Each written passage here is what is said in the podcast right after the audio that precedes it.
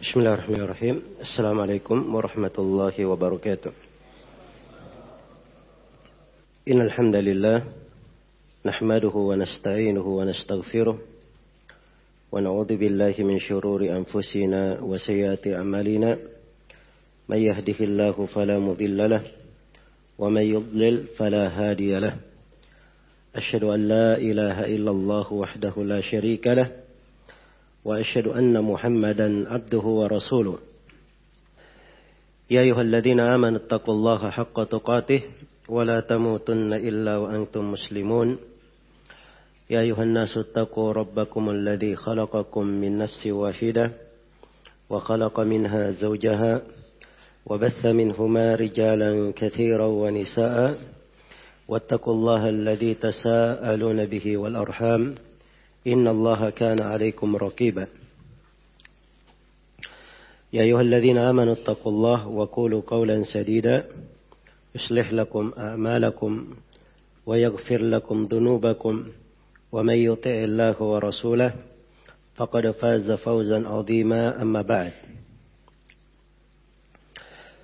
فإن أصدق الحديث كتاب الله وخير الهدي هدي محمد صلى الله عليه وسلم وشر الأمور محدثاتها فإن كل محدثة بدعة وكل بدعة ضلالة وكل ضلالة في النار.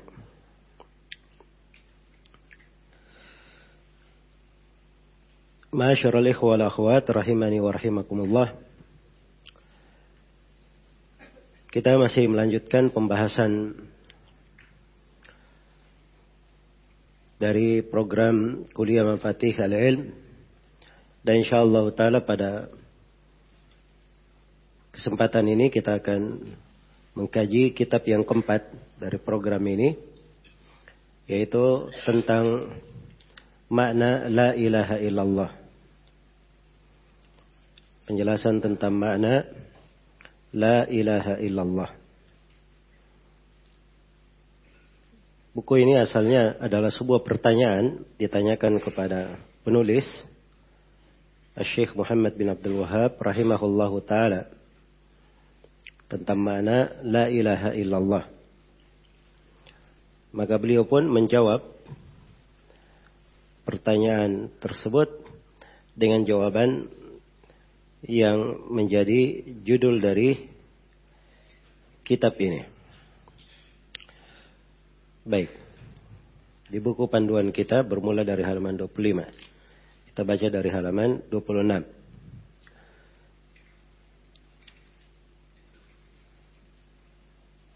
Dari klasifikasi pembahasan, mula-mula Syekh rahimahullahu taala menjelaskan tentang pentingnya kalimat ini, keutamaan dan urgensinya.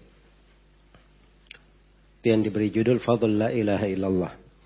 Kata beliau, setelah Bismillahirrahmanirrahim, Su'ila rahimahullah an ma'na la ilaha illallah. Syekh rahimahullahu ta'ala ditanya tentang makna la ilaha illallah. Fa'ajaba, maka beliau menjawab. I'lam rahimakallah. Ketahuilah semoga Allah merahmatimu. Anna hadhil kalimata bahwa kalimat ini itu kalimat la ilaha illallah hiyal fariqatu bainal kufri wal islam. Adalah pembeda antara kekufuran dan keislaman. Wahia kalimatul haq dan dia adalah wahia kalimat taqwa dan dia adalah kalimat taqwa. Dia adalah kalimat taqwa. Wahia al-urwatul wuthqa dan dia adalah al-urwa al-wuthqa, tali yang amat kuat. Wahia allati ja'alaha Ibrahim alaihi salam kalimatan baqiyatan fi aqibihi la'allahum yarji'un. Dan itulah yang dijadikan oleh Nabi Ibrahim alaihi salam sebagai kalimat baqiyah sebagai kalimat yang kekal pada keturunannya supaya mereka kembali kepada kalimat itu. Iya.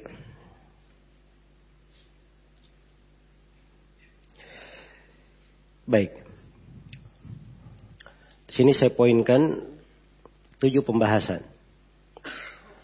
Pembahasan yang pertama adalah al-hath alal ilm, anjuran untuk mempelajari ilmu. Dan ini dari kebiasaan penulis di awal pembahasan atau di sela-sela pembahasan beliau berkata, "I'lam, ketahuilah." Untuk selalu mengingatkan tentang pentingnya seorang itu mempelajari, mendalami dan bagaimana pentingnya seorang itu mengulangi apabila dia telah mempelajarinya. Tetap dia ulangi. Iya. Karena pengulangan terhadap ilmu itu akan semakin memperkuat ilmu tersebut. Apalagi pembahasan tauhid. Ciri seorang yang mengerti tauhid adalah dia semakin memperhatikan tauhid itu di dalam kehidupannya dan semakin mengkhawatirkan kesyirikan terhadap dirinya. Karena itu Nabi Ibrahim alaihi salam dan beliau adalah panutan di dalam tauhid. Beliau masih berdoa kepada Allah. Wajnubni wa baniya an na'budal asnam. Jauhkanlah saya dan anak-anak keturunanku dari peribadatan kepada berhala. Beliau masih memohon dijauhkan, masih mengkhawatirkan terhadap dirinya. Iya. Dan Rasulullah Sallallahu Alaihi Wasallam mengkhawatirkan terhadap para sahabatnya.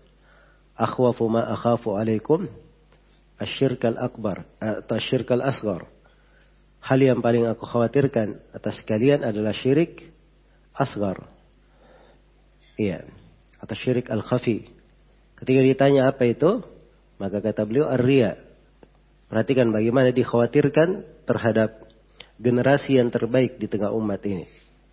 Terhadap para sahabat. Maka harusnya kita ini lebih patut lagi mengikuti jejak mereka. Karena itu dari ciri orang yang mengenal tauhid, dia selalu mengagungkan pembahasan tauhid ini cinta untuk selalu mengkajinya, mengulanginya, senang di dalam mendengarkannya, bergembira kalau ada orang yang mempelajarinya. Ini ciri bahwa tauhid itu sudah tertanam di dalam diri, di dalam jiwa mereka. Iya. Dan ini selalu diulangi oleh penulis rahimahullahu taala.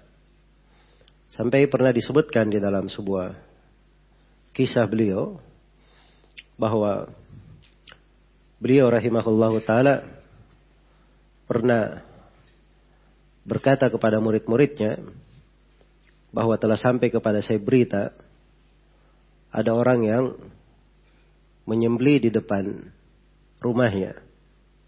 Menyembeli di depan rumahnya untuk keselamatan dari rumah itu. Iya. Murid-muridnya diam-diam saja, tidak terlihat respon yang apa menunjukkan perhatian mereka yang besar di dalam hal tersebut. Kemudian di hari esoknya lagi penulis rahimahullahu taala berkata kepada murid-muridnya telah sampai kepada saya bahwa di tempat fulani ada seorang anak yang berzina dengan ibunya. Maka mereka langsung berkata naudzubillah atau kalimat yang semisal dengan itu. Menunjukkan pengingkaran. Iya.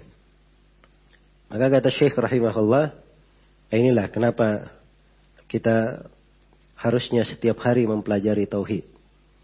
Kemarin saya sebutkan kepada kalian tentang kesyirikan, kalian diam-diam saja. Begitu disebut sebuah maksiat, kalian ribut sana sini. Padahal kesyirikan lebih besar daripada apa? daripada maksiat. Lebih besar daripada maksiat. Dan ini fikih di dalam memahami tentang tauhid. Karena itu tauhid harus selalu diulangi ya di dalam kehidupan, apalagi berbagai fitnah yang melanda manusia, berbagai kejadian di tengah manusia, perlu as-sabat, perlu keteguhan, kekukuhan. Dan keteguhan itu pada pembahasan tauhid. Karena itu kalimat la ilaha illallah disebut sebagai al-qaulus sabit. Disebut sebagai al-qaul as-sabit. Iya.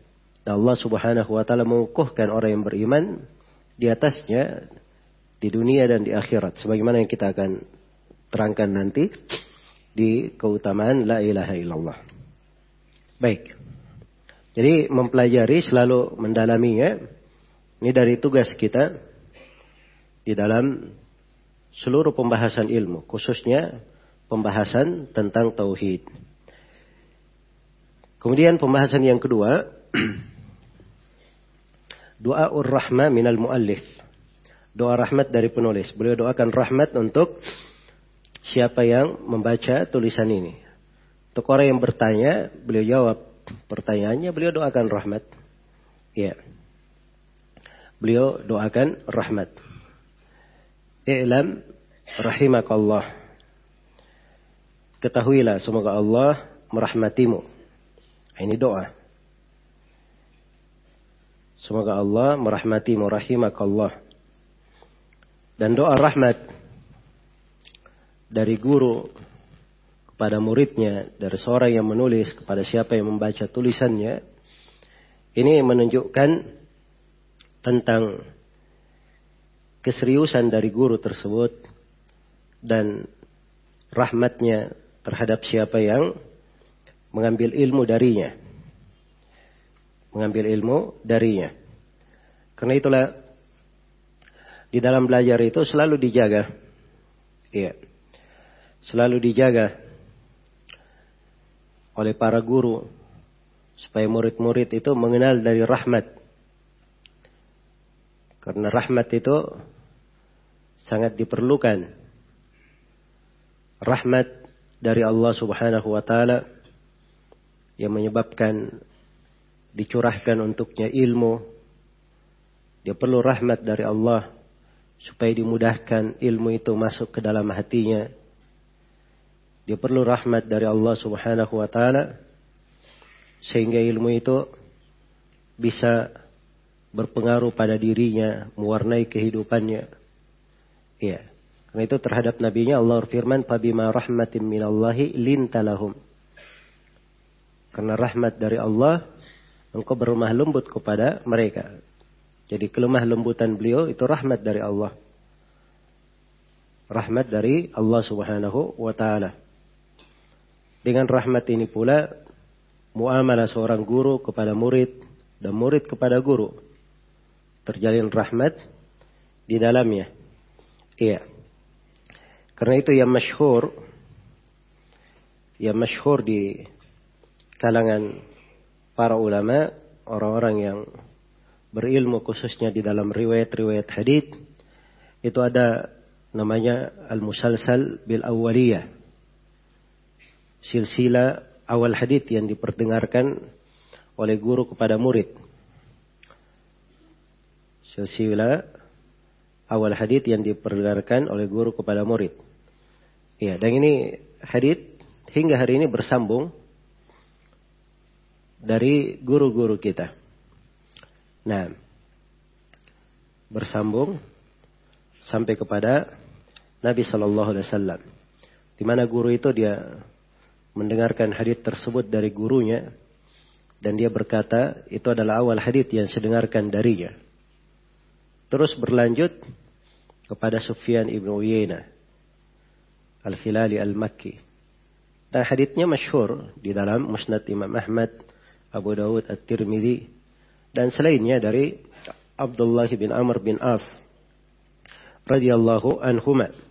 Rasulullah sallallahu alaihi wasallam bersabda, "Ar-rahimuna yarhamuhumur rahman. Irhamu man fil ard, yarhamukum man fis sama." Orang-orang yang saling merahmati, Allah Ar-Rahman akan merahmati mereka. Rahmatilah siapa yang berada di atas muka bumi, pasti Allah akan merahmati kalian. Ya, rahmatilah siapa yang ada di atas muka bumi, pasti yang di langit akan merahmati kalian. Maka ini diperdengarkan supaya diketahui bahwa ilmu itu dasarnya adalah apa? Dasarnya adalah rahmat. Ya, dan seorang penuntut ilmu dia selalu menjaga ya, dirinya di atas rahmat tersebut. Dan supaya dia mengerti bahwa ilmu itu pengaruhnya adalah rahmat ke seluruh sudut dan sisinya. Karena itulah agama ini, Al-Quran ini disebut sebagai rahmat. Qur'ani ma huwa shifa'un wa rahmatul lil mu'minin. Kami menurunkan dari Al-Quran apa yang merupakan penyembuh dan rahmat untuk orang yang beriman dan Nabi kita Nabi Muhammad sallallahu alaihi wasallam Allah Subhanahu wa taala berfirman tentangnya wa ma arsalnaka illa rahmatan lil alamin tidaklah kami mengutus engkau ya Nabi Muhammad kecuali sebagai rahmat untuk semesta alam karena itulah orang-orang yang berpegang dengan Al-Quran dan As-Sunnah adalah orang yang paling besar rahmatnya di tengah manusia. Karena itu kata Syekhul Islam Ibn Taimiyah rahimahullahu taala Al-Hafid kata beliau Ahlus Sunnah arhamun nasi bil khalq. Ahlu sunnah a'rafun nasi bil haq wa arhamuhum bil, bil khalq. Ahli sunnah itu adalah orang yang paling mengenal kebenaran dan paling merahmati manusia. Dan paling merahmati manusia. Iya. Karena memang dasar di dalam belajar itu semuanya jelas. Bagaimana mereka di dalam setiap perkara mereka memulainya dengan rahmat, menghiasinya dengan rahmat. Ya, maka ini dari hal yang hendaknya diperhatikan oleh setiap muslim dan muslimah, setiap penuntut ilmu.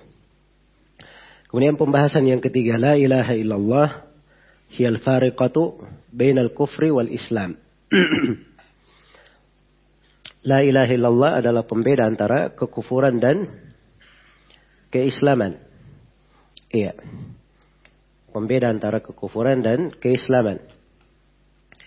Karena dengan kalimat la ilaha illallah inilah ya tanpa perbedaan jalan Nabi Shallallahu Alaihi Wasallam dan jalannya kaum musyrikin. Karena itulah kaum musyrikin tatkala dikatakan kepada mereka la ilaha illallah untuk berucap la ilaha illallah mereka bersombong. Iya. Mereka bersombong. Tidak mau masuk di dalamnya. Tidak menerimanya. Nah, ini menunjukkan bahwa ini adalah hal yang membedakan antara kekafiran dan keislaman. Yang membedakan antara kekafiran dan keislaman. Nah itu di surah As-Saffat ayat 35 dan 36 Allah Subhanahu wa taala berfirman tentang kaum musyrikin innahum kanu idza qila lahum la ilaha illallah yastakbirun wa yaquluna a inna latariku alihatina li syairin majnun iya. Sungguhnya mereka sungguhnya mereka dahulu orang-orang kafir ini apabila dikatakan kepada mereka la ilaha illallah mereka yastakbirun bersombong. Wa dan mereka berkata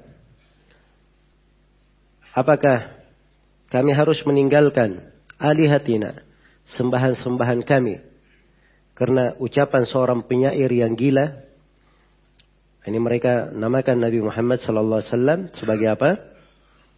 penyair yang gila nasallallahu alafiyah. Karena jauhnya mereka dari kebenaran dan hawa nafsu yang mereka perturutkan. Iya. Maka Allah membantah hal tersebut. Bal ja'a bil haq wa saddaqal mursalin. Bahkan Nabi Muhammad datang dengan kebenaran dan Nabi Muhammad membenarkan para rasul. Jadi kalimat la ilaha illallah ini ciri pembeda antara kekafiran dan keislaman bukan saja di agama Nabi Muhammad. Tapi ini adalah agama seluruh nabi dan seluruh rasul. Iya. Ini agama seluruh nabi dan seluruh rasul. Karena itu tidak ada seorang nabi pun kecuali menyampaikan hal yang sama, membedakan antara kekufuran dan keislaman, membedakan antara tauhid dan kesyirikan. Walaqad ba'atna fi kulli ummatin rasula an i'budullaha wajtanibut tagut. Sungguh kami telah mengutus pada setiap umat seorang rasul agar rasul itu menyampaikan kepada umatnya beribadalah kalian kepada Allah dan jauhilah tagut. Jauhi segala yang diibadahi kecuali Allah Subhanahu wa taala. Nah, ini ayat yang paling populer ya tentang dakwah para nabi dan para rasul. Dan ini di surah An-Nahl. Surah ke-16 ayat 36. Iya.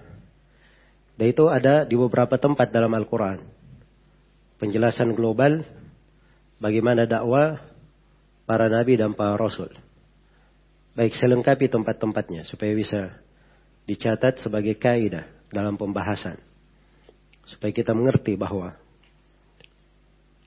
kalimat la ilaha illallah dakwah para nabi dan para rasul pembeda antara kekafiran dan keislaman. Semua nabi dan rasul di atas hal ini.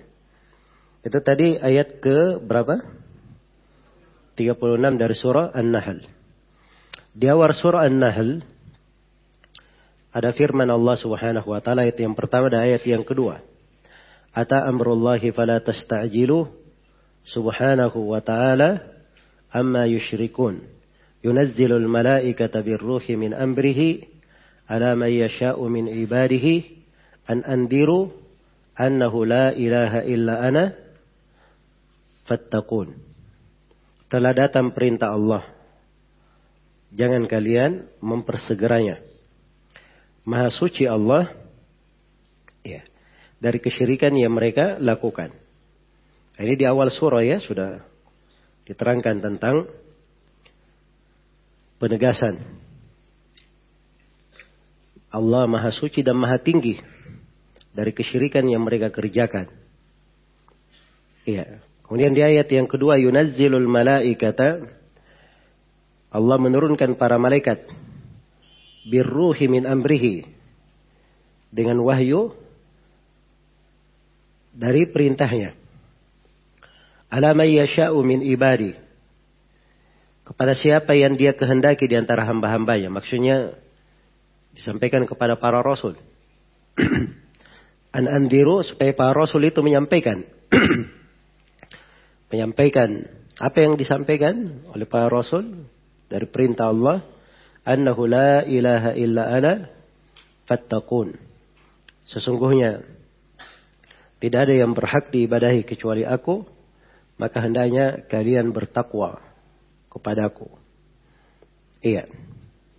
Ini ayat di surah An-Nahl. Di dua tempat. Iya. Diterangkan tentang dakwah para nabi dan para rasul.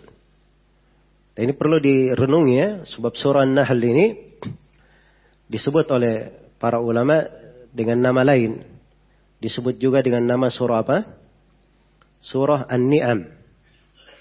Surah yang menjelaskan tentang nikmat-nikmat Allah Subhanahu wa taala. Iya. Jadi ini surah menguraikan tentang nikmat-nikmat Allah. Kalau mau belajar tentang bagaimana nikmat Allah mengagungkan dan membesarkannya, nah surah ini yang dibaca.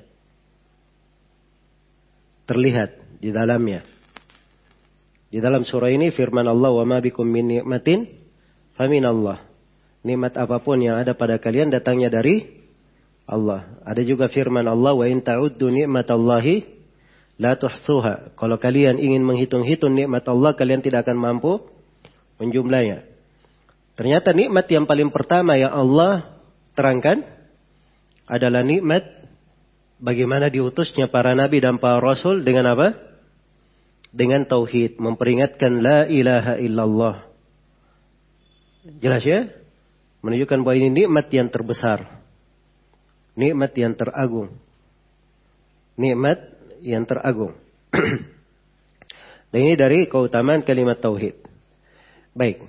Kemudian ayat berikutnya dari ayat yang menunjukkan dakwah para nabi dan para rasul semuanya kepada tauhid ya semuanya kepada la ilaha illallah membedakan antara kekafiran dan keislaman adalah firman Allah di surah Al-Anbiya ayat 25 surah Al-Anbiya ayat 25 surah 21 Wa ma arsalna min qablika min rasulin illa nuhi ilaihi annahu la ilaha illa ana fa'budun. Tidaklah kami mengutus seorang rasul pun Tidaklah kami mengutus seorang rasul pun sebelum engkau ya Nabi Muhammad kecuali kami wahyukan kepada rasul itu agar supaya menyampaikan la ilaha illa ana fa'budun. Menyampaikan firman Allah tidak ada yang berhak diibadai kecuali aku hendaknya kalian hanya beribadah kepadaku. Iya. Baik. Ini sudah berapa tempat? Tiga. Tempat yang keempat. Di surah Al-Ahqaf. Di surah Al-Ahqaf. Ayat yang ke-21. Ayat yang ke-21 tentang Nabi Hud alaihi salam yang memperingatkan kaumnya tentang ahqaf. Wadkur akha adin id andara qaumahu bil ahqafi wa qad khalatin nuduru min baini yadayhi wa min khalfihi alla ta'budu illa Allah inni akhafu alaikum adab yawmin azim. Dan ingatlah Nabi Hud alaihi salam saudara kaum Ad. Ingatlah ketika dia memberi peringatan kepada kaumnya tentang ahqaf Ya. Wa khalatin nuduru min baini wa min khalfi. Dan telah ada para rasul sebelumnya. Sebelumnya dan setelahnya. Semuanya memberi peringatan yang sama. Apa itu?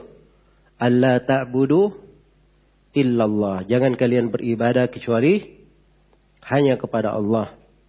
Inni akhafu alaikum ada yawmin azim. Sungguhnya aku mengkhawatirkan atas kalian siksaan di hari yang sangat dahsyat, hari yang sangat besar. Ini penegasannya bahwa seluruh nabi dan rasul sama dakwanya. Ya. Allah ta'budu illallah. Jangan kalian beribadah kecuali hanya kepada Allah. Baik. Tempat yang kelima di surah Zukhruf. Ya.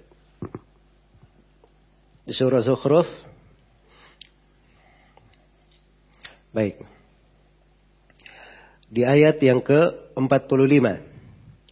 Allah Subhanahu wa taala berfirman, "Was'al man arsalna min qablika min rusulina aja'alna min dunir rahmani alihatan yu'badun?" Tanyalah kepada rasul-rasul kami yang kami telah utus sebelum engkau Nabi Muhammad. Apakah ada Allah Subhanahu wa taala menjadikan sesembahan-sesembahan untuk disembah selain daripada Allah? Ya selain daripada Allah yang maha pemurah yang maha merahmati. Ini kalimat pengingkaran. Tanya kepada para rasul sebelum engkau. Apakah ada dari para rasul yang sebelum engkau mereka itu ya menetapkan ada sembahan-sembahan yang disembah kecuali Allah Subhanahu wa taala? Jawabannya tidak, semuanya di atas agama yang sama, semuanya mengajak untuk beribadah kepada Allah Subhanahu wa taala semata. Baik, ini lima tempat di dalam Al-Qur'anul Karim. Iya.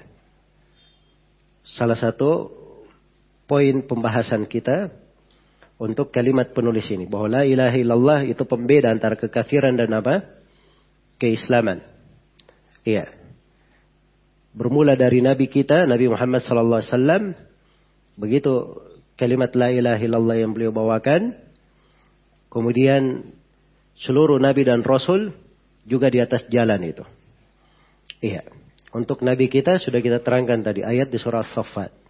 Untuk seluruh para Nabi dan para Rasul Selain daripada ayat di surah Safat, juga ada lima tempat yang lain di dalam Al-Quran yang menunjukkan hal yang sama.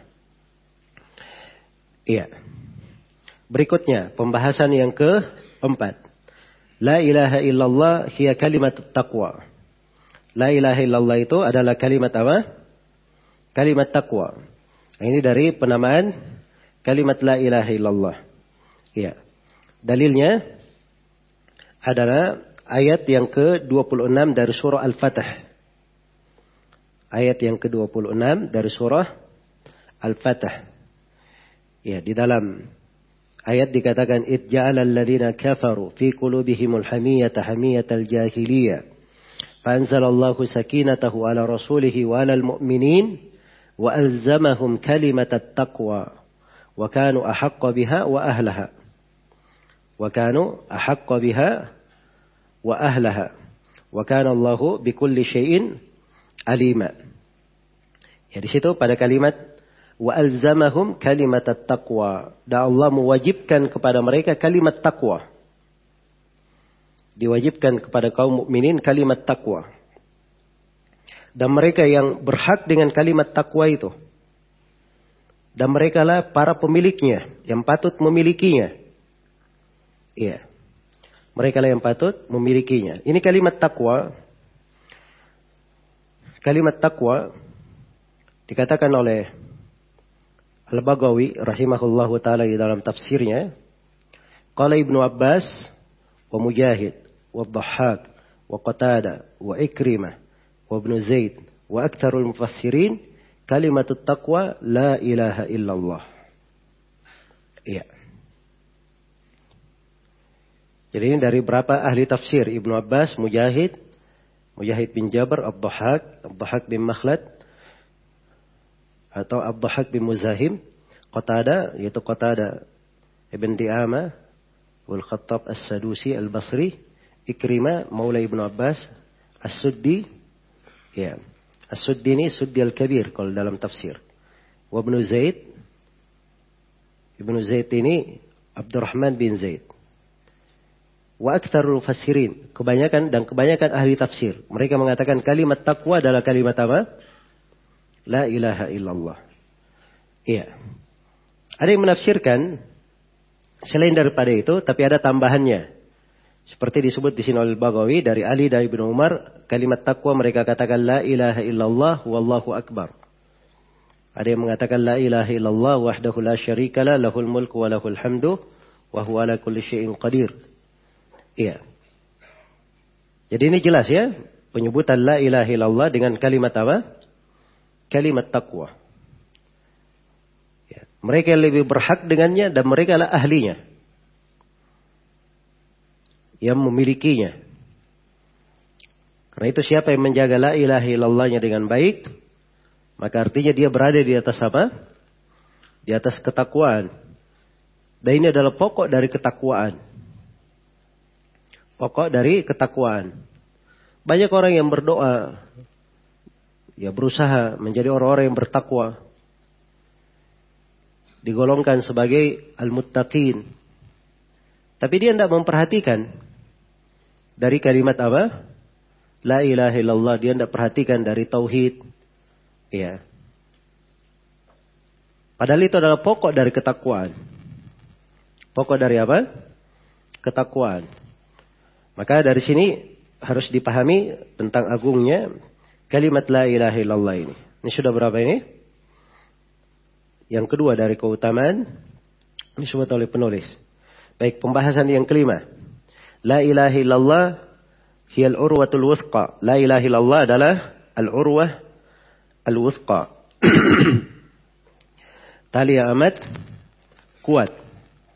Ya, penulis rahimahullahu taala di sini beliau mendekatkan ya keutamaan-keutamaan dari kalimat ini. Ya. Dan beliau tidak sebutkan secara langsung ayat-ayatnya. Tapi ayat-ayatnya itu jelas.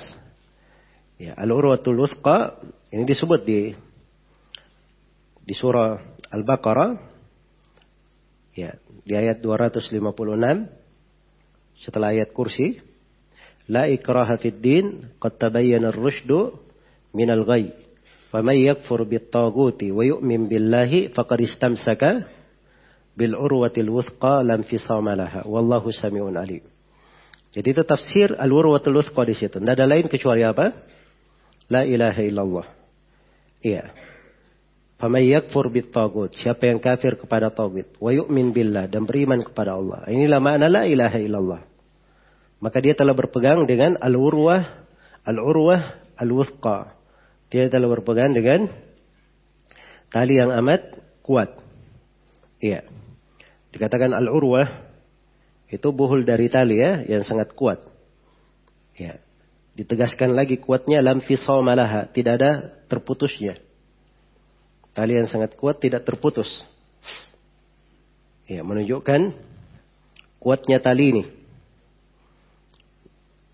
Menunjukkan kuatnya tali ini. Sebab tali inilah yang menyambung kepada Allah. Karena itu dibahasakan al-urwatul wuthqa tali amat kuat. Dia tali yang kuat berpegang, yang dipegang untuk menyambungnya kepada Allah Subhanahu wa taala menyambungnya kepada agama supaya dia tetap berada di dalam ikatan agama. Iya. Tetap berada di dalam ikatan agama. Maka ini al-urwatul wuthqa yang disebutkan di mana? Di surah Al-Baqarah. Iya. Ada juga al-urwatul wuthqa disebutkan di tempat yang lain Maknanya sama di surah Luqman ayat 22. Di surah Luqman ayat 22. Wa may yuslim wajahahu ila Allah wa huwa muhsin faqad istamsaka bil urwatil wuthqa wa ila Allah akibatul umur. Barang siapa yang menyerahkan dirinya kepada Allah, berserah diri kepada Allah, berislam kepada Allah, wa huwa muhsin dan dia adalah orang yang berbuat baik. Jadi dia gabungkan antara keikhlasan dan mengikuti agama Nabi Shallallahu Alaihi Wasallam. Maka dia telah berpegang dengan al-urwah al-wuthqa, buhul tali yang sangat kuat sekali. Iya. Baik. Kemudian pembahasan yang ke enam. La ilaha illallah hiyal kalimatul baqiyah. La ilaha illallah adalah kalimat yang kekal. Kalimat yang kekal. Ini yang disebut oleh penulis wahiyallati ja'alaha Ibrahimu kalimatan baqiyatan fi aqibihi la'allahum yarji'un. Itulah yang dijadikan oleh Nabi Ibrahim sebagai kalimat yang kekal pada keturunannya supaya mereka kembali ya kembali kepada kalimat itu, kepada tauhid itu. Baik. Jadi kalau kita lihat pada dua ayat sebelumnya itu penjelasan tentang seruan Nabi Ibrahim alaihi salam. Abihi wa qaumihi innani bara'un mimma ta'budun illa alladhi fatarani fa innahu sayahdin wa ja'alaha kalimatan baqiyatan fi aqibihi la'allahum yarji'un. Ketika Nabi Ibrahim berkata kepada ayah dan kaumnya, Innani bara'un mimma ta'budun. Sungguhnya saya berlepas diri dari apa yang kalian ibadahi. Ini kalimat konsekuensi dari illallah. Apa namanya? Konsekuensi dari la ilaha. Dia berlepas diri dari segala yang diibadahi. Kemudian illa alladhi fatarani fainahu sayahdin kecuali Allah yang menciptakanku dialah yang akan memberi hidayah kepadaku nah, ini illallah maka waja'alaha kalimatan baqiyatan fi aqibihi maka Nabi Ibrahim menjadikan kalimat ini sebagai kalimat yang kekal iya Kalimat yang kekal di tengah keluarganya. La'allahum yarji'un. Supaya mereka kembali. Disebutkan oleh Al-Bagawi dari Mujahid dan Qatada. Bahwa kalimat yang kekal di tengah keluarganya ini adalah kalimat tauhid. La ilaha illallah. Iya. Kalimat tauhid la ilaha illallah. Karena itulah subhanallah ya Nabi Muhammad sallallahu alaihi wasallam dari keturunan Nabi Ibrahim alaihi salam. Iya, sampai anak-anaknya semuanya di atas tauhid.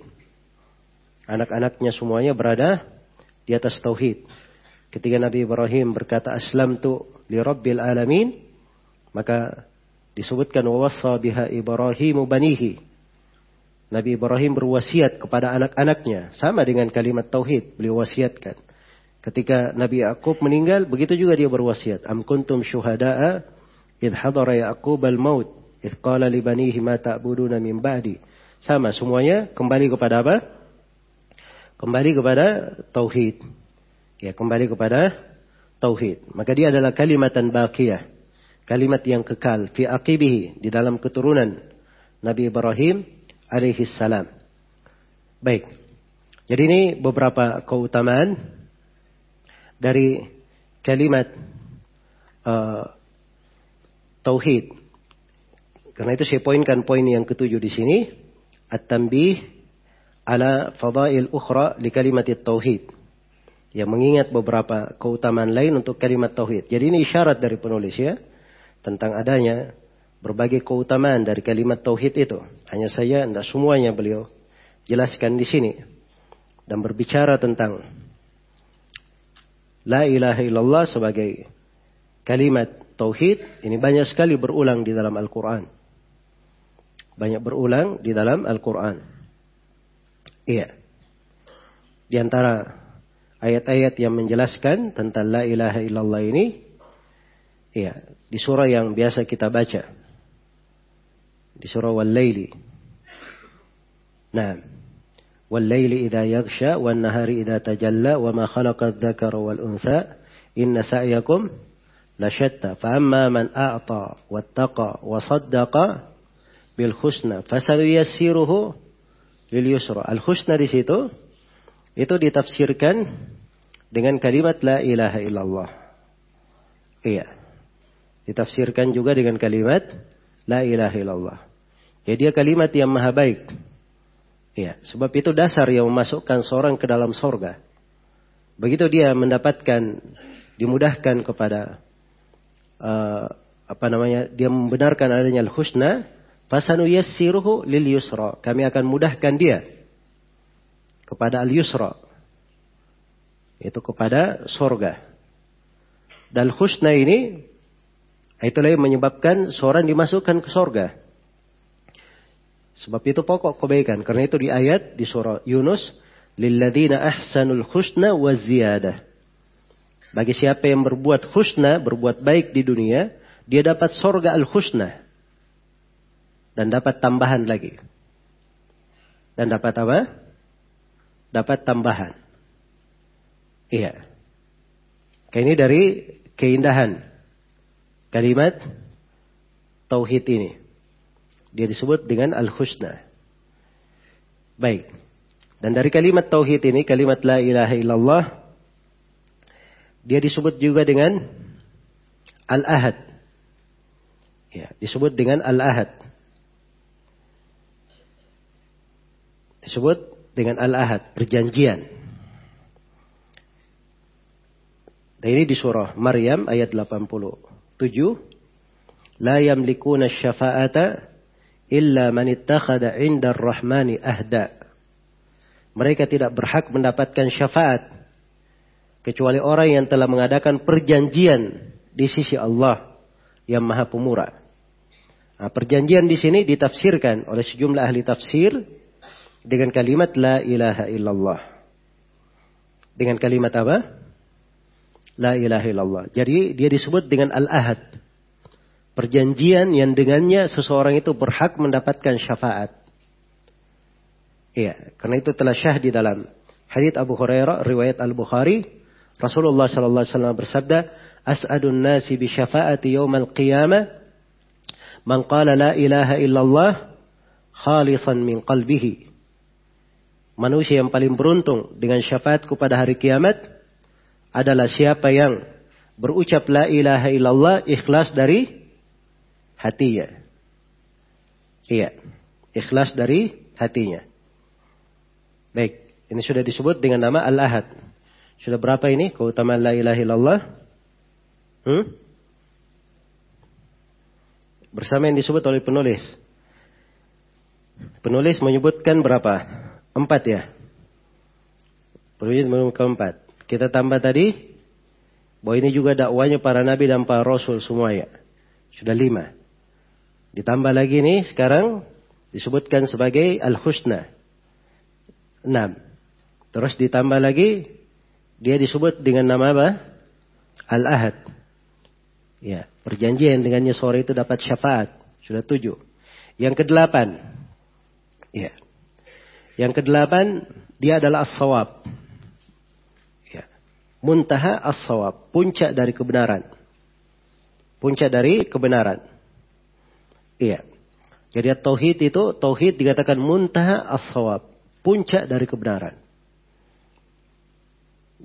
Demikian ditafsirkan oleh sejumlah ahli tafsir di firman Allah Subhanahu wa taala ya pada ayat yang insyaallah kita semua hafal di surah An-Naba ayat 38. Yauma yaqumur ruhu wal malaikatu saffa la yatakallamuna illa man adina lahur rahmanu wa qala sawaba. Pada hari itu ketika ar-ruh Jibril ya. Tapi bisa juga diartikan manusia dan para malaikat berdiri sofan bersaf-saf ya. Mereka tidak berkata-kata apa pun kecuali siapa yang diberi izin oleh Allah yang maha pemurah dan dia berucap as-sawab. As-sawab di sini apa?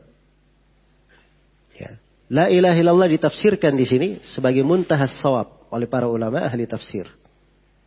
Puncak kebenaran. Puncak yang benar. Mereka yang diizinkan di dalam hal tersebut. Baik. Dari keutamaan la ilaha illallah. Ini yang keberapa? Kesembilan. Ya. Kalimat la ilaha illallah ini itu adalah penyelamat. Penyelamat dari segala bahaya di dunia maupun di akhirat. Ya, karena itu Nabi Yunus alaihi salam beliau diselamatkan oleh Allah dari perut ikan dengan doa yang Allah Subhanahu wa taala sebutkan di dalam Al-Qur'an. Wa dannun idh dhahaba maghadiban fadanna allan naqdir alaihi fanada fi dhulumati apa? alla ilaha illa anta subhanak inni kuntu minadh dhalimin. Jadi Nabi Yunus alaihi salam Dunnun ketika beliau pergi dalam keadaan marah, dia tinggalkan kaumnya karena marah kepada kaumnya. Iya. Kepada marah kepada kaumnya. Dan dia menyangka bahwa kami tidak mampu mempersempitnya. Menyulitkannya. Maka Nabi Yunus pun ditelan oleh ikan. Nah, ini kan ringkasan kisahnya begitu. Ya. Dan ini peringatan ya untuk para dai di jalan Allah Subhanahu wa taala. Harusnya bersabar mengalami kesusahan. Ya sebab seorang yang meninggalkan dakwah itu ada resikonya. Apalagi kalau dia tinggalkan hal yang baik kepada hal yang hina. Ya, kalau profesinya tadinya pedagang berubah menjadi ustadz itu bagus ya. Ya, tapi kalau tadinya dia ustadz berubah jadi pebisnis, nah ini dia ganti yang baik menjadi apa? Yang rendah. Ini Nabi Yunus alaihi salam dia tidak berlepas dari dakwah, tapi dia tinggalkan kaumnya. Tinggalkan kaumnya. Maka diuji oleh Allah Subhanahu wa taala dipersempit. Ya, dibuat beliau ini ditenggelam uh, dimakan oleh apa? Ikan. Ya. Jadi beliau naik perahu, ya perahunya mau tenggelam. Ya. Maka biasanya kalau perahunya mau tenggelam dan harus dikurangi penumpangnya, orang-orang di masa dahulu seperti itu, diundi. Siapa yang naik namanya dia yang dilempar ke laut. Iya. Dan ternyata Nabi Yunus yang naik namanya. Maka dilemparlah beliau ke laut, ditelan oleh ikan yang sangat besar. Ya. Dan Allah Subhanahu wa taala terangkan di kisahnya di tempat lain di surah Saffat, "Falaula kana minal musabbihin lalabitha fi batnihi ila yaumi yub'atsun." Andai kata Nabi Yunus bukan dari orang yang banyak bertasbih kepada Allah, maka dia akan berada di perut ikan sampai hari kiamat. Ya. Sampai hari kiamat di perut ikan. Berarti ikan ini bisa hidup sampai apa? Hari kiamat. Ya, karena itu tidak ada yang tahu dari tentara-tentara Allah subhanahu wa ta'ala kecuali dia. Kita ini cuma biasa melihat yang di atas muka bumi saja. Tidak pernah melihat apa yang berada di bawah di bawah laut. Ya, dengan berbagai rahasia Allah subhanahu wa ta'ala di dalamnya. Ya, sesuatu dikabarkan dalam Al-Quran sudah berabad-abad ada kegelapan di atas kegelapan di atas kegelapan. Nah itu baru baru saja ada orang-orang yang apa? Bisa mempelajarinya dengan teknologi sekarang ini dia dapati seperti yang disebutkan di dalam Al-Quran. Padahal Nabi Muhammad SAW tidak pernah melihat laut. Tapi beliau bisa kabarkan tentang laut itu bagaimana isinya. Iya. Baik. Jadi ini semuanya dari eh, peringatan-peringatan uh, untuk kita semua dan pelajaran yang berharga. Maka Nabi Yunus alaihi salam beliau ditelan oleh ikan. Nah, yang menyelamatkannya beliau banyak bertasbih. Apa tasbih doa yang beliau baca? Yaitu yang disebutkan di dalam surah Al-Anbiya ini ayat 87. Iya. Panada fi dhulumati beliau memanggil, memohon kepada Allah di tengah kegelapan di perut ikan itu. Allah ilaha illa anta. Tidak ada ilah yang berhak diibadai kecuali engkau. Subhanak, maha suci engkau ya Allah. Ini kuntu minal zalimin. Sungguhnya saya dahulu termasuk orang yang zalim. Beliau akui akan dosa dan kesalahannya. Karena itu doa yang paling istimewa adalah doa yang diiringi dengan tauhid. Disertai dengan pensucian Allah dan pengakuan terhadap dosa. Kalau dia gabungkan tiga hal ini, maka itu sebab pokok diterimanya doa. Iya. Karena itu tauhid itu dari sebab yang membuat doa itu dikabulkan. Semakin baik tauhid seseorang, maka doanya semakin didengarkan oleh Allah Subhanahu wa taala. Iya. Karena itu tidak ada di dalam sejarah orang-orang salih itu ada orang yang dikatakan orang yang mustajab doanya dan dia bukan orang yang bertauhid. Ya. Itu tidak ada di dalam sejarah orang yang mustajab dakwah kemudian dia berada di atas aliran sesat, aliran menyimpang. Itu tidak ada ceritanya. Yang ada itu adalah orang-orang yang mengenal tauhid, orang-orang yang berada di atas sunnah. Itu ada buku-buku ditulis tentang mujabud dakwah, orang-orang yang doanya dikabulkan. Iya. Terbukti dalam kehidupan mereka. Mereka minta apa saja dikabulkan. Didengarkan. Dan terjadi seperti yang mereka minta. Itu disebut mujabud dakwah. Dan ketika disimpulkan dari kehidupan mereka, mereka adalah orang-orang yang bertauhid. Iya, orang-orang yang bertauhid. Adapun kalau dia sebagian manusia berbuat dosa dan maksiat kemudian dikabulkan doanya, maka ini mungkin ada kondisi darurat yang menimpanya. Dan Allah Subhanahu wa taala mengabulkan siapa yang kondisinya darurat. Jangankan muslim, kafir juga dikabulkan. Karena itu kaum musyrikin kemarin kita sudah bahas ya kaum musyrikin kalau di tengah lautan mereka berdoanya kepada Allah dikabulkan doanya, diselamatkan. Ya. Karena memang Allah mengabulkan doa ia orang yang darurat, tidak disyaratkan dia muslim. Ya, dan itu disebut ya dalam Al-Qur'an di surah An-Naml, "Amma yujibul muttarra idza da'ahu." Siapakah yang bisa mengabulkan doa orang yang darurat, orang yang terdesak ketika dia berdoa kepada Allah? Iya. Jadi orang musyrik saja di kondisi genting dia ikhlaskan doa kepada Allah diterima doanya. Apalagi seorang yang bertauhid. Seorang yang memang bertauhid di segala keadaan. Karena itulah tauhid itu dari sebab yang menyebabkan doa itu dikabulkan. Baik. Ini sudah berapa keutamaan ini? Hah? Sudah berapa yang saya sebut? Sembilan. Baik, sekarang yang ke yang ke-10. Yang ke-10 tauhid ini adalah isi seluruh kitab-kitab yang pernah Allah turunkan. Iya. Dia adalah isi dari kitab-kitab suci yang Allah Subhanahu wa taala turunkan. Bisa dibayangkannya semua dari kitab suci yang Allah turunkan intinya kembali kepada tauhid ini. Intinya kembali kepada tauhid ini. Dan itu dalilnya di surah Hud ayat 1 dan ayat 2. Kita alif lam ra kitabun uhkimat ayatuhu thumma fussilat min ladun hakimin khabir alla ta'budu illallah innani lakum minhu nadirum mubin. Apa nadiru wa bashir. Baik, alif lam ra itulah kitab yang ayat-ayatnya telah dimuhkamkan ayahnya telah muhkam. Kemudian ditafsil dari sisi Allah yang maha hakim, yang maha bijaksana lagi maha khabir, yang maha mengetahui perkara-perkara secara detail. Iya. Apa isinya dari buku-buku yang diturunkan ini? Buku-buku yang isinya muhkam ini, Allah ta'budu illallah. Jangan kalian beribadah kecuali hanya kepada Allah. Innani lakum minhu nadhiru wa bashir. Sesungguhnya saya ini ini Nabi Muhammad yang berucap, sesungguhnya saya ini dari sisi Allah adalah pemberi peringatan dan pemberi kabar gembira. Iya. Pemberi peringatan dan pemberi kabar gembira. Baik. Maka kalimat La ilaha illallah inilah yang menyelamatkan. Iya. Dan ini adalah isi seluruh kitab-kitab yang Allah Subhanahu wa taala turunkan. Baik. Kemudian ini saya batasi ya pada apa namanya keutamaan kalimat la ilaha illallah.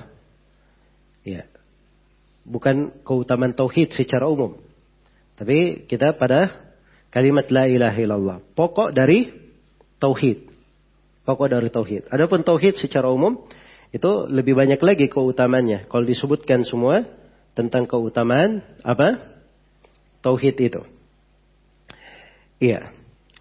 Kemudian dari keutamaan la ilaha illallah, la ilaha illallah disebut sebagai al-qaulus sabit. Ucapan yang teguh, ucapan yang kukuh. Ya, dan ini di surah Ibrahim ayat ke 27.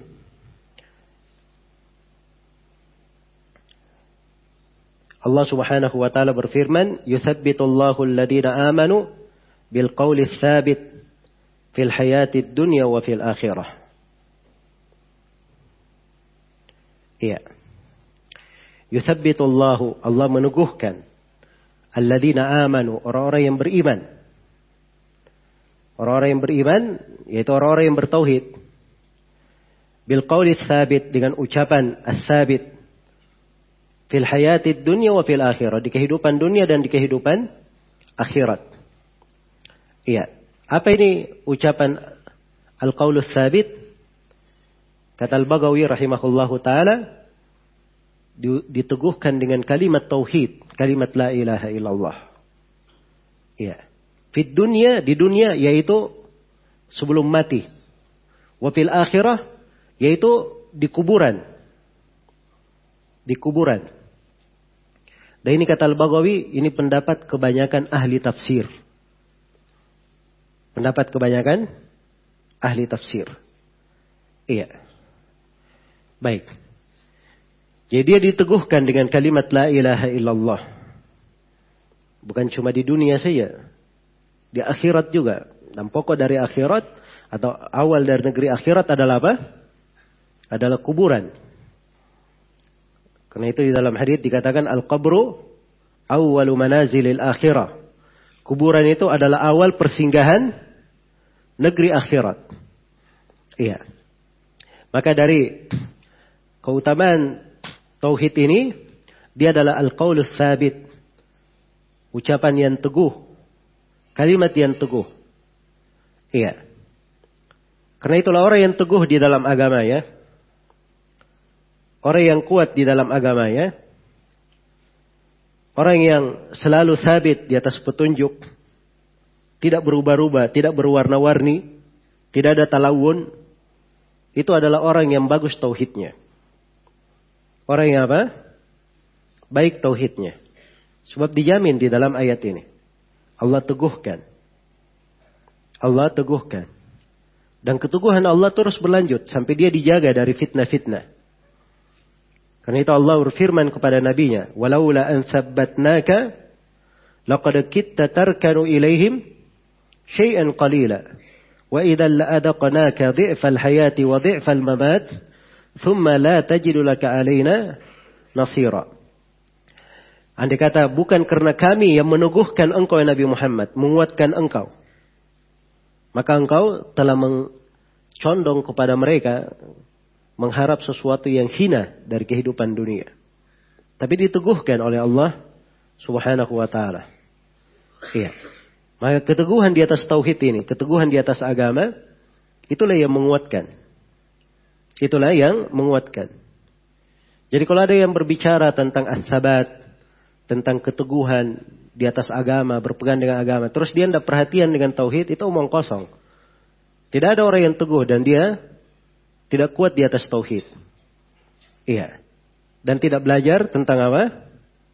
Tentang tauhid. Baik. Dari sini kita bisa perhatikan ya kekeliruan sebagian orang. Ini munculnya dari orang-orang jahil. Tidak mengerti dari seluk-beluk agama. Dia hanya paham sebagian. Hanya dengar dari ulama sebagian hal. Ya, dia perhatikan pada sebagian tapi dia tidak mengerti. Hal-hal yang dasar seperti ini inti dari dakwah para nabi dan para rasul. Ya, terkait dengan tauhid itu tidak diperhatikan. Karena itu pengaruhnya di dalam dakwah itu pasti kelihatan. Orang-orang yang bertauhid itu, itu kelihatan pada apa yang dia ucapkan, apa yang diajarkan. Ya. Kalau memang jiwa tauhidnya itu kuat di dalam hatinya, itu pasti kelihatan pada ucapan dan apa? Ucapan dan perbuatannya. Kalau dia seorang dai, kelihatan pada apa yang diajarkan. Kelihatan pada apa yang diajarkan. Karena itu tidak perlu dicari pengakuan dari seorang. Ini si fulan ini adalah dai yang menyuruh kepada tauhid. Ya, tidak didengar darinya pun bisa dinilai. Dia dengan apa? Dengan apa yang dia dakwakan. Lihat saja apa yang dia dakwakan. Karena itu tidak ada dari ulama di masa kini, ya, di masa sekarang ini, kecuali kebanyakan dari pelajaran-pelajaran mereka dalam mengajarkan tauhid. Itu dari dahulu terlihat. Syekh bin Bas rahimahullah, Syekh Ibn Uthaymin, Syekh Mukbil, ya, Syekh Al-Albani, Syekh Soleh Al-Fauzan yang masih hidup, Syekh uh, Mufti Saudi Arabia Syekh Abdul Aziz Al Syekh, Abdul Musil Abad, dan selainnya dari para ulama. Ya, kalaupun mereka dikenal misalnya dengan bidang ilmu tertentu, misalnya guru kami Syekh Abdul Al Gudayan, ini luar biasa. Beliau rujukan, ya dikatakan rujukannya Saudi Arabia di pembahasan usul fikih dan kaidah-kaidah fikih. Iya. Tapi bersama dengan itu banyak beliau ajarkan dari buku-buku tauhid. Banyak beliau ajarkan dari apa? Buku-buku tauhid. Ya, ada guru kami juga Syekh Abdullah bin Abdul Aziz Ibnu Akil. Ini digelari di masa sekarang ini sebagai Syekhul Hanabila. Syekhnya para ulama ahli fikih di kalangan Hambaliyah. Ya, tapi bersamaan dengan itu perhatiannya terhadap tauhid sangat besar sekali. Iya. Dan beliau senang kalau ada yang baca buku-buku tauhid kepada beliau. Iya. Dan saya pernah baca dua buku tauhid kepada beliau. Al-Qawaidul Arba dan Al-Usulus Sitta. Ya, dan beliau gembira ada yang membaca buku-buku seperti itu. Nah, ini semuanya menunjukkan jiwa-jiwa tauhid, orang yang berilmu seperti itu. Jelas ya? Karena itu di masa sekarang ini seorang itu hanya perlu melihat tanda-tanda kebenaran, dia melihat jalan yang benar, dia bisa menilai ini perhatian terhadap tauhid atau tidak. Ya. Kalau dia berucap saya ini dai kepada tauhid, saya mengajak kepada tauhid, awal dakwah kita tauhid, tapi tidak ada di perbuatannya, ini sama saja dia menyelisihi ucapannya. Perbuatan menyelisihi ucapan. Dan itu tidak cocok seperti itu. Karena itulah ini dasar-dasarnya bagaimana seorang itu memperkuat dirinya di atas tauhid. Baik. Uh, sudah berapa dari keutamaan? Hah? Sepuluh. Sekarang yang ke yang ke-12. Baik. Kemudian yang ke-12. Dari keutamaan kalimat la ilaha illallah. Kalimat la ilaha illallah ini kalimat la ilaha illallah ini inilah yang apabila dibaca di akhir dari adan maka jaminan untuk seorang hamba dimasukkan ke dalam sorga Allah subhanahu wa ta'ala. Iya. Jaminan dimasukkan ke dalam sorga. Karena itu di dalam hadith Ubadah bin Samit riwayat Al-Bukhari dan Muslim Rasulullah sallallahu alaihi wasallam bersabda man syahida an la ilaha illallah wa anna Muhammadan abduhu wa rasuluh wa Isa bin Mar wa Isa Abdullah wa Rasul dan seterusnya. Ya. Barang siapa yang bersyahadat la ilaha illallah wahdahu la syarikalah dan Nabi Muhammad adalah hamba dan rasulnya dan Nabi Isa adalah hamba dan rasulnya wa kalimatuhu alqaha ila Maryam wa ruhum minhu wal jannata haqqun wan nar haqq dan dia juga mempersaksikan bahwa Nabi Isa adalah kalimat yang Allah lemparkan kepada Maryam dan dia adalah ruh darinya dan dia persaksikan sorga adalah benar adanya neraka benar adanya. Ada khalaqullahu jannata ala ma kana minal amal. Maka Allah pasti akan memasukkan dia ke dalam sorga. Betapapun amalan yang dia berbuat apa pun amalan yang dia lakukan. Kita dijamin dengannya sorga. Dan semana dengannya hadith Itban bin Malik riwayat Bukhari dan Muslim Rasulullah sallallahu alaihi wasallam bersabda Inna Allah harrama 'alan nar man qala la ilaha illallah yabtagi bidzalika wajh Allah Sungguhnya Allah mengharamkan terhadap neraka siapa yang berucap la ilaha illallah hanya mengharapkan wajah Allah Subhanahu wa taala. Ya, karena itu doa yang dibaca ketika mendengarkan adzan ya, dengannya dia mendapatkan syafaat. Dan itu ada tauhidnya. Ada la ilaha illallahnya di situ. Baik. Kemudian dari keutamaan la ilaha illallah ini. La ilaha illallah itu adalah sebab diampuninya dosa. Sebab diampuninya dosa. Karena itu di ayat di surah Muhammad ayat 19, "Fa'lam annahu la ilaha illallah wastaghfir li. Ketahuilah la ilaha illallah. Kemudian mohon ampunlah terhadap dosa-dosamu. Disuruh mohon ampun sebab memang ada kaitannya dengan pengampunan dosa. Iya. Dan telah syah di dalam hadits qudsi yang diriwayatkan oleh Imam Tirmidzi dari Anas bin Malik, Allah Subhanahu wa taala berfirman dalam hadits qudsi, "Ya ibn Adam, innaka law ataitani bi qurabin atau law ataitani bi qurabil ardi khataya Thumma lakitani la tusyrik bi syai'an la ataituka bi qarabiha maghfirah. Wahai anak Adam, andai katanya andai kata engkau datang kepadaku, menghadap kepadaku dengan dosa sepenuh bumi. Tetapi engkau datang dalam keadaan tidak berbuat kesyirikan sedikit pun. Niscaya aku akan memberikan sepenuh bumi pula pengampunan kepadamu. Akan memberikan pengampunan sepenuh bumi pula kepadamu. Nah, kemudian yang ke 13. Dari keutamaan la ilaha illallah siapa yang syah la ilaha illallahnya maka dia pasti dimasukkan ke sorga di hari kiamat. Kalau dia masuk ke neraka, pasti akan dikeluarkan dari neraka. Pasti akan dikeluarkan dari neraka. Diriwayatkan oleh Al-Bukhari dan Muslim dari Anas bin Malik radhiyallahu taala anhu. Rasulullah sallallahu alaihi wasallam bersabda, "Yakhruj minan nari man qala la ilaha illallah wa fi qalbihi waznu sya'iratin min khair." Wa yakhruju minan nari man qala la ilaha illallah wa fi qalbihi waznu burratin min khair.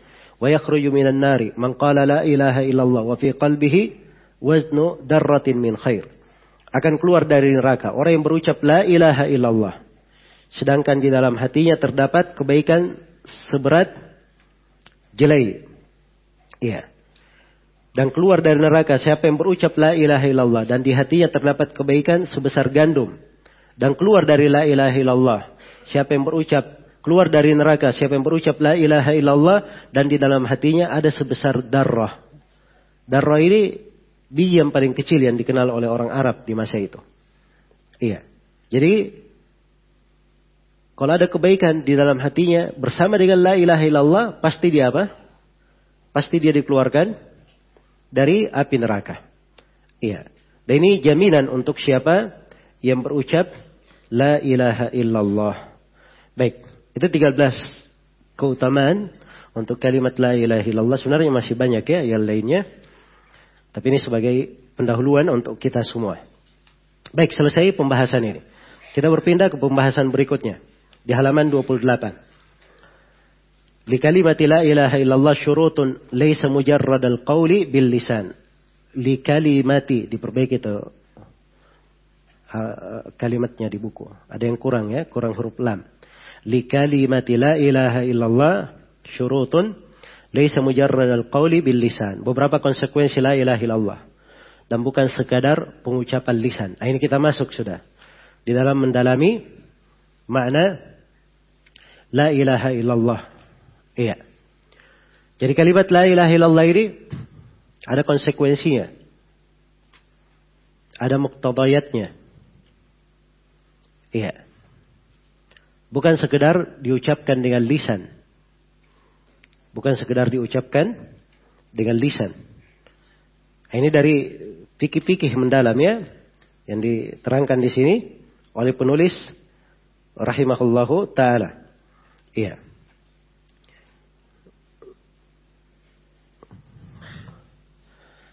Kata beliau rahimahullahu taala, "Walaysa al-muradu qaulaha bil lisan, mal jahli bima'na."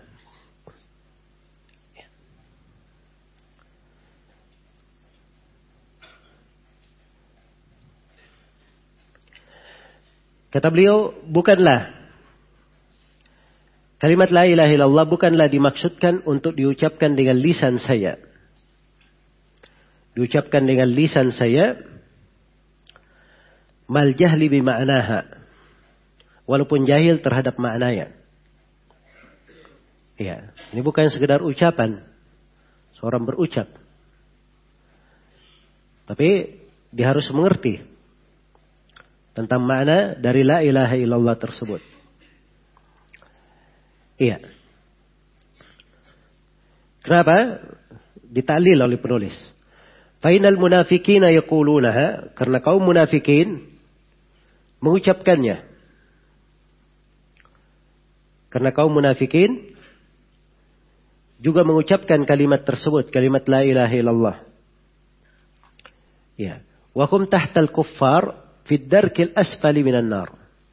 Padahal kedudukan mereka lebih rendah dari kaum kafir. Yaitu di lapisan terbawah dari api neraka.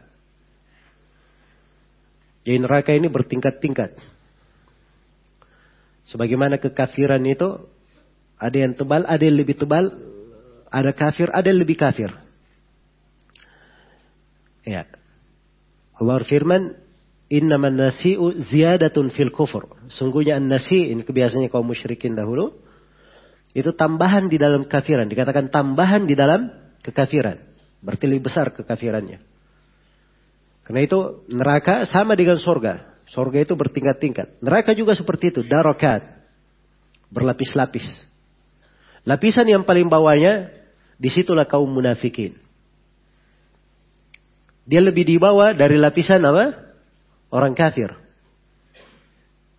Iya, itu ditegaskan oleh Allah di surah An-Nisa. Innal munafikina fid darkil asfali minan nar. Sungguhnya kaum munafikin itu di lapisan neraka yang paling bawa. Iya. Di lapisan neraka yang paling bawah. Perhatikan. Jadi kaum munafikin, mereka berada di lapisan neraka yang paling bawah. Padahal mereka mengucapkan la ilaha illallah. Ma kaunihim yusalluna wa yasumuna wa yatasaddaqun. Iya. Meski mereka mengerjakan sholat, puasa, serta bersedekah. Kata beliau, walakin al murad Tapi yang diinginkan, tapi maksud kalimat la ilaha illallah adalah ma'rifatuha bil qalb. Mengetahuinya dengan hati. Wa mahabbatuha wa mahabbatu ahliha. Mencintainya dan mencintai orang-orang yang mengucapkannya. Mencintai ahli la ilaha illallah. Wa bugdu man khalafaha wa mu'adatuhu. Dan dia benci kepada Siapa yang menyelisihi kalimat la ilaha illallah ini? Iya. Dia benci kepada siapa yang menyelisihi kalimat la ilaha illallah dan memusuhinya. Kama qala sallallahu alaihi wasallam sebagaimana sabda Rasulullah sallallahu alaihi wasallam, "Man qala la ilaha illallah mukhlishan." Barang siapa yang berucap la ilaha illallah dalam keadaan ikhlas. Dalam sebuah riwayat, sadiqan min qalbi. Fi riwayatin sadiqan min qalbi, jujur dari hatinya. Wa fi lafdin man qala la ilaha illallah wa kafara bima yu'badu min dunillah. Juga dalam lafat yang lain dikatakan siapa yang kafir. Ya, eh, siapa yang mengucapkan la ilaha illallah dan kafir terhadap segala sesuatu yang diibadahi selain daripada Allah. Nah, ila ghairi dalika min al-adillati dalla ala jahalati aktsarin nas bihadhihi syahadah. Dan selainnya dari dalil-dalil yang menunjukkan bahwa menunjukkan akan kejahilan banyak manusia terhadap syahadat ini. Baik, saya poinkan di sini ada tiga pembahasan. Iya, yang pertama memahami keadaan kaum munafikin. Pahmu halil munafikina yuwaddih ala anna la ilaha illallah laysa mujarrada alqauli biha bil lisan. Memahami keadaan kaum munafikin. Itu diperbaiki ya memahami keadaan kaum munafikin memperjelas bahwa la ilaha illallah bukan sekadar pengujaran dengan lisan ya. sekarang kita perhatikan keadaan kaum munafikin kaum munafikin ini musuh dalam selimut ya Bahirnya dia tampilkan apa? Keislaman. Batinnya menyembunyikan kekafiran. Itu kaum munafikin. Kaum munafikin ini kaum munafikin ini mereka berucap la ilaha illallah. Berucap la ilaha illallah. Ada mereka sholat walaupun malas-malasan. Mereka juga berpuasa, bersedekah walaupun kikir dan dia gembosi orang.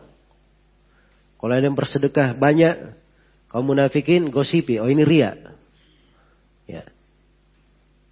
Jadi kaum munafikin dari penampilan bahirnya dia mengucapkan apa? La ilaha illallah.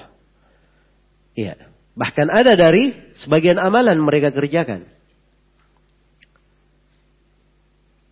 Ada sebagian amalan yang mereka kerjakan. Kalau begitu la ilaha illallah itu tidak cukup dengan lisan. Tapi ada konsekuensi di dalamnya, ada syarat-syarat. Nah inilah yang disebutkan oleh penulis di sini. Iya. Nah ini pembahasan kita yang kedua. Syurutu la ilaha illallah wa muqtadayatuha. Syarat-syarat dan konsekuensi la ilaha illallah. Iya. Jadi la ilaha illallah ini ada syarat-syaratnya. Kalau dia benar kalimat la ilaha illallahnya terlihat padanya dia menjalankan dari apa? Syarat kalimat yang agung ini. Ya, penulis isyaratkan beberapa syarat. Ma'rifatuha bil qalb. Dia kenal la ilaha illallah ini dengan hatinya. Iya. Wa mahabbatuha wa mahabbatu ahliha. Dia cintai kalimat la ilaha illallah. Dia cintai ahlinya. Wa bugdu man khalafaha wa mu'adatuhu. Dan dia benci siapa yang menyelisih la ilaha illallah dia musuhi. Ini tiga konsekuensi ya. Tiga konsekuensi dari orang yang berucap apa? La ilaha illallah. Ya, dari mana itu? Dipetik. Ya, ada hadit-hadit dibawakan oleh penulis di sini. Iya. Ada hadit-hadit dibawakan oleh penulis. rahimahullahu taala menunjukkan bahwa la ilaha illallah itu ada syaratnya, ada konsekuensinya. Jadi man qala la ilaha illallah mukhlisan, siapa yang berucap la ilaha illallah ikhlas. Iya, kita akan bahas ini ya, riwayatnya secara lengkap nanti. Dalam sebagian riwayat sadiqan min qalbi, jujur dari hatinya. Berarti diperlukan kejujuran. Ada keikhlasan, kejujuran. Iya.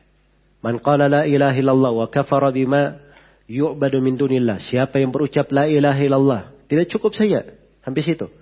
Dan dia kafir kepada siapa yang diibadahi. Selain daripada Allah. Maka ini menunjukkan konsekuensi. Iya. Jelas ya? Ila gairi dalika minal adillah. Dan seterusnya dalil-dalil. Yang menunjukkan tentang hal tersebut. Iya. Yang menunjukkan tentang jahalati aktsarin nas bihadhihi syahadah. Kejahilan banyak manusia terhadap syahadat ini. Baik. Jadi ini kalimat yang sangat agung. ya pasti diterangkan di dalam Al-Quran dengan sejelas-jelasnya. Dan diterangkan di dalam hadits Rasulullah Sallallahu Alaihi Wasallam dengan seterang-terangnya. Karena itu kalimat la ilaha illallah itu enggak luput. Ya dikenal oleh para ulama, ada konsekuensinya, ada syarat-syaratnya wajib dipenuhi. Iya. Karena itu ada yang berkata kepada Al Hasan Al Basri rahimahullahu taala ya, bahwa sekelompok manusia mengucapkan man qala la ilaha illallah dakhala al jannah. Siapa yang berucap la ilaha illallah masuk surga. Ya, kata Al Hasan Al Basri, man qala la ilaha illallah fa adda haqqaha wa fardaha dakhala al jannah. Kata Al-Hasan siapa yang berucap la ilaha illallah. Kemudian dia tunaikan hak la ilaha illallah itu. Dan dia tunaikan kewajiban la ilaha illallah itu. Dia masuk sorga. Dia masuk sorga. Nah, ini fikih namanya. Jelas ya? Karena seorang itu ketika dia membaca dari keutamaan la ilaha illallah. Jangan diambil satu sudut saja. Dia tinggalkan sudut yang lain. Padahal banyak hadit-hadit dan ayat-ayat yang memperterang bahwa la ilaha illallah ini bukan sekedar ucapan saja. Bukan hanya pengujaran. Tapi dia ada syarat-syarat dan konsekuensi.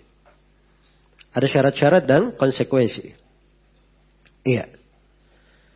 Dan disebutkan juga dari Al-Hasan Al-Basri rahimahullahu taala ketika beliau menghadiri Farasdak salah seorang penyair yang Waktu itu dia apa namanya menguburkan istrinya. Maka karena Farasdak ini seorang penyair terkenal ya, tapi ada juga yang terkenal nggak bagus darinya. Maka kesempatan dia sedang menguburkan istrinya, Al Hasan Al Basri berkata kepadanya, Ma'addatta li hadal yom. Apa yang kamu sudah siapkan untuk menghadapi hari yang seperti ini? Kamu juga nanti akan dikubur.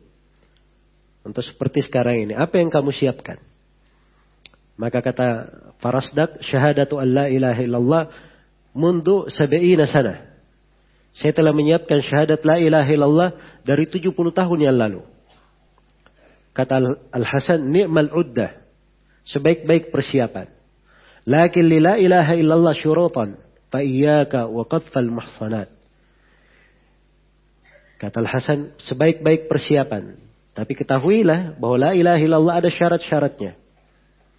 Karena itu hati-hati kamu. Dari menuduh perempuan baik-baik dengan tuduhan yang tidak benar. Nah, ini disebutkan salah satu kesalahan apa? Farasdak oleh Al-Hasan. Ya, beliau terangkan bahwa la ilaha illallah ada apa? Ada syurutnya. Ya, sama ketika dikatakan kepada Wahab bin Munabbih rahimahullahu taala. Ada yang berkata kepada Wahab bin Munahbi, Alaysa miftahul jannah la ilaha illallah? Bukankah kunci sorga itu ada la ilaha illallah? Kata Wahab, bala, benar. Lakin ma min miftahin illa lahu asnan. Tapi tidak ada satu kunci pun, kecuali kunci ini punya apa? Punya gigi-gigi. Kan begitu? Ada kunci yang polos? Hah? Tidak ada, pasti ada apa namanya? Nah, itu gigi kunci namanya. Ya. Dengan beraneka ragam jenis kunci itu, beda-beda giginya. Nah, ini yang membedakan antara sebuah kunci dengan kunci yang lainnya. Baik. Fain ataita bimiftahin lahu asnan putih halak. Wa illa lam yuftah. Maka kata Wahab, kalau kamu datangkan kunci, ada gigi-giginya, akan dibukakan untukmu. Kalau tidak ada gigi-giginya, tidak dibukakan untukmu. Jadi beliau isyaratkan bahwa la ilaha illallah itu punya syarat-syarat. Kewajiban-kewajiban yang patut untuk dipelihara dan dijaga. Ya, inilah yang diisyaratkan oleh penulis di sini. Isyaratkan oleh penulis di sini. Nah ini makna yang disebut oleh penulis adalah hal yang dikenal oleh para ulama dari masa ke masa. Perkara yang tidak ada silam pendapat di dalamnya. Iya. Hanya saja datang dari sebagian ulama belakangan, dia merapikan pembahasan-pembahasan para ulama terdahulu itu. Maka mereka simpulkan bahwa la ilaha illallah itu punya tujuh syarat. Ya. Ini berdasarkan ucapan ulama yang telah lalu, tidak keluar. Dari yang menambah syarat yang kedelapan. Ya, tapi yang mengucapkan delapan ini tidak bertentangan dengan yang mengucapkan tujuh syarat. Jelas ya? Baik. Jadi ada yang menyebutnya delapan. Yang menyebutnya delapan itu itu dalam dua bait syair yang terkenal. Ilmun yakinun wa ikhlasun wa sidqu kama mahabbatin wa wal qubuli laha وزيد ثامنها الكفران منك بما سوى الإله من الأشياء قد qad. Ini dua bait syair wazannya Bahrul Basit. Iya. Jadi ilmun yakinun jadi disebut ada delapan syarat. Yang pertama ilmun. Syarat la ilaha illallah dia mengilmui kalimat la ilaha illallah itu. Ini yang pertama. Yang kedua yakinun. Dia yakin terhadap kandungannya. Yang ketiga, wa ikhlasun. Dia ikhlas di dalamnya. Kemudian yang keempat, wasidukuka. Dan engkau jujur. Ini asidik namanya, kejujuran. Ketulusan. Yang kelima, ma mahabbatin. Disertai dengan mahabbah kecintaan. Ini yang kelima. Yang ketujuh, eh, yang keenam, wang kiadin terikat dengan kalimat la ilaha illallah. Yang ketujuh, wal kubulilaha. Dia menerimanya, penerimaan. Kemudian ditambah yang kedelapannya, wazida thaminuha al kufranu minka bima siwal ilahi minal asya'i qad uliha. Dan ditambah yang kedelapan, engkau kafir terhadap segala yang diibadahi selain daripada Allah Subhanahu wa taala. Berarti semuanya berapa syarat? Ada delapan syarat. Iya. Ini yang paling lengkapnya ya. Walaupun yang kebanyakannya menyebut tujuh. Ya, sebab syarat yang kedelapan kafir itu mereka masukkan ke ikhlas. Dan sebenarnya kalau disebut delapan syarat ini lebih detail lebih detail, lebih tegas. Karena Nabi memang mengkhususkan di hadis yang dibacakan oleh penulis di sini, "Man la ilaha illallah wa kafara bima yu'badu min dunillah." Ini penegasan dia kafir kepada segala yang diibadahi selain daripada Allah Subhanahu wa taala. Iya. Baik, jadi bisa hafal dua bait syair ini ya kalau memudahkan. Ya, ingin memudahkan dihafal dua bait syair tersebut. Ada bait syair yang lainnya mirip. Disebutkan oleh Syekh Syuyukhina Hafid Al-Hakami rahimahullahu taala dalam manzuma beliau. Iya. Tapi beliau sebut dalam empat bait syair. Sekaligus beliau terangkan tentang apa? Keutamaannya. Kata beliau, "Wa bisyurutin sab'atin qad quyyidat fi nususil wahyi haqqan waradat." Ya. فإنه لم ينتفع قائلها بالنطق إلا حيث يستكملها العلم واليقين والقبول والانقياد فدر ما أقول والصدق والإخلاص والمحبة وفقك الله لما أحبه Ya, ini Bahrul Rajaz dari Hafidh Al-Hakami. Wa bisyurutin sab'atin qad quyyidat. Dengan tujuh syarat la ilaha illallah ini telah diikat. Iya. Fi nususil wahyi haqqan waradat. Datang di dalam nas-nas wahyu. Maksudnya dalam Al-Quran dan Sunnah. Benar-benar datangnya. Ada riwayat, ada ayatnya, ada haditnya. Ya. Apa itu? uh, sebelumnya beliau katakan fainnahu lam yantafi' qailuha sungguhnya orang yang mengucapkan la ilaha illallah tidak akan mengambil manfaat tidak akan mengambil manfaat bin nutki dengan mengucapkannya illa haitsu yastakmiluha kecuali kalau dia menyempurnakan syarat-syarat ini memenuhinya apa itu syarat-syaratnya al ilmu wal yaqinu wal qabulu wal inqiyadu fadri ma aqulu. Ya, wasidqu wal ikhlasu wal mahabbah waffaqaka Allahu lima ahabbah. Jadi ada tujuh. Al ilmu yakin dan penerimaan. Wal inqiyad terikat ini empat. Fadri ma aqulu, ketahuilah apa yang saya ucapkan. Ya, perhatikan yang saya ucapkan. Kemudian yang kelima, as-sidqu, as-sidq ketulusan, kejujuran, wal ikhlasu keikhlasan wal mahabbah dan kecintaan. Waffaqakallahu lima ahabbah. Semoga Allah memberi taufik kepadamu pada hal yang dia cintai. Baik. Jadi ini global tentang apa? Syarat la ilaha illallah. Jadi sebelum kita uraikan dalil-dalilnya, saya terangkan satu persatu. Ya, saya ulangi dulu. Syarat la ilaha illallah ada berapa? Ya, delapan. Ya tujuh umumnya ya, tapi lengkapnya berapa? Delapan. Yang pertama, al-ilm. Lawan dari ilmu apa? Jahil. Jadi dia mengilmui la ilaha illallah, tidak boleh jahil tentangnya. Itu sekaligus ya, diketahui syaratnya sekaligus tahu lawannya. Jadi saya ingatkan lawannya sekarang. Diilmui, tidak boleh apa? Jahil. Yang kedua, yakin. Yakin lawannya asyak. Dia yakin tidak boleh ragu di dalamnya. Iya. Baik. Yang ketiga, ikhlas. Ikhlas lawannya apa? Syirik, ria. Tidak boleh dia ada kesyirikan, ria di dalamnya. Atau apa namanya keterpaksaan. Ya, uh, baik. Syirik dan ria ya, dimasukkan tiga. Terus yang keempat, as-sidiq, kejujuran. Tidak boleh apa? Tidak boleh dusta di dalamnya. Tanpa kejujuran ketulusannya, tidak ada kedustaan. Kemudian yang kelima, al-mahabbah, kecintaan. Tidak boleh apa?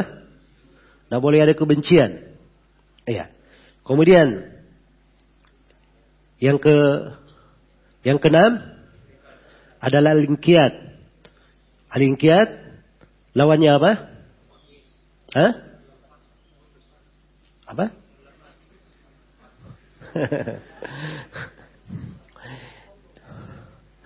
Jadi kalau al-inqiyad dia terikat dengannya. Terikat dengannya. Tidak pernah dia merasa dirinya apa? Bebas darinya. Iya, dia merasa terikat. Kemudian wal qabulilaha dan menerima. Al-qabul lawannya apa? Lawannya arrat. Dia tidak pernah menolaknya. Ya. Dan yang kedelapan jelas ya, dia kafir terhadap segala yang diibadahi selain daripada Allah Subhanahu wa taala. Baik. Jadi ini dulu yang mungkin kita bisa kaji di pertemuan ini. Ya karena apa namanya? Uh, penyandaran kepada mengisi satu persatu di uh, pembahasan syarat menguraikan dalil-dalilnya ini panjang ya untuk dibahas. Iya. Tapi itu tadi globalnya kita kita catat dengan bagus itu tadi syarat la ilaha illallah. Saya ulangi sekali lagi syarat la ilaha illallah. Jadi yang pertama tadi sesuai dengan bait syairnya, ilmu lawannya apa? Jahilan. Yakin lawannya ragu, syak. Ikhlas lawannya ha? syirik atau ria. Kemudian sidik lawannya al-kadhib. Kejujuran lawannya dusta. Mahabbah lawannya al-bughd. Al-inqiyat lawannya at-tark, meninggalkan atau dia merasa bebas darinya. Tark. Kemudian yang ke tujuh apa? Al-qabul, menerimanya lawannya ar-rad. Baik. Yang kedelapan, tambahannya jelas ya di bait syairnya. Insya Allah Ta'ala kita akan uraikan nanti di pertemuan berikutnya dengan dalil-dalilnya. Baik. Jadi ini kalau dipahami, diketahui, nah baru dia mengerti la ilaha illallah. Namanya pernah mempelajarinya. Iya. Sisa diamalkan di dalam kehidupannya. Dia terapkan dari konsekuensinya. Ini kalau mewarnai kehidupan, inilah yang menjamin seorang hamba memperoleh berbagai keutamaan la ilaha illallah yang telah disebutkan itu. Jadi sekali lagi penegasan penulis la ilaha illallah bukan sekedar ucapan lisan. Ada syarat-syarat, ada konsekuensi di belakangnya. Dan ini penting untuk diketahui oleh setiap muslim dan muslimah. Iya. Karena itu orang kafir ketika diucapkan, dia aja mengucapkan la ilaha illallah, itu kalau dia ikut, itu betul-betul dia tahu konsekuensinya. dia tahu konsekuensinya. Dia harus kafir terhadap segala yang dia ibadahi sebelumnya. Dia harus memusuhi kaum musyrikin. Ya, dia harus memusuhi siapa yang memusuhi agama. Itu dimengerti oleh kaum musyrikin. Karena itu yang masuk Islam, dia masuk Islam dengan segala konsekuensinya. Ya, dan yang tidak mau mereka bersombong karena dia tahu konsekuensinya apa. Ya, baik. Semoga Allah Subhanahu wa taala memberi taufik kepada semuanya. Wallahu taala alam. Subhanakallahumma wa bihamdik asyhadu an la ilaha illa anta astaghfiruka wa atubu ilaik. Walhamdulillahirabbil alamin. Wassalamualaikum warahmatullahi wabarakatuh.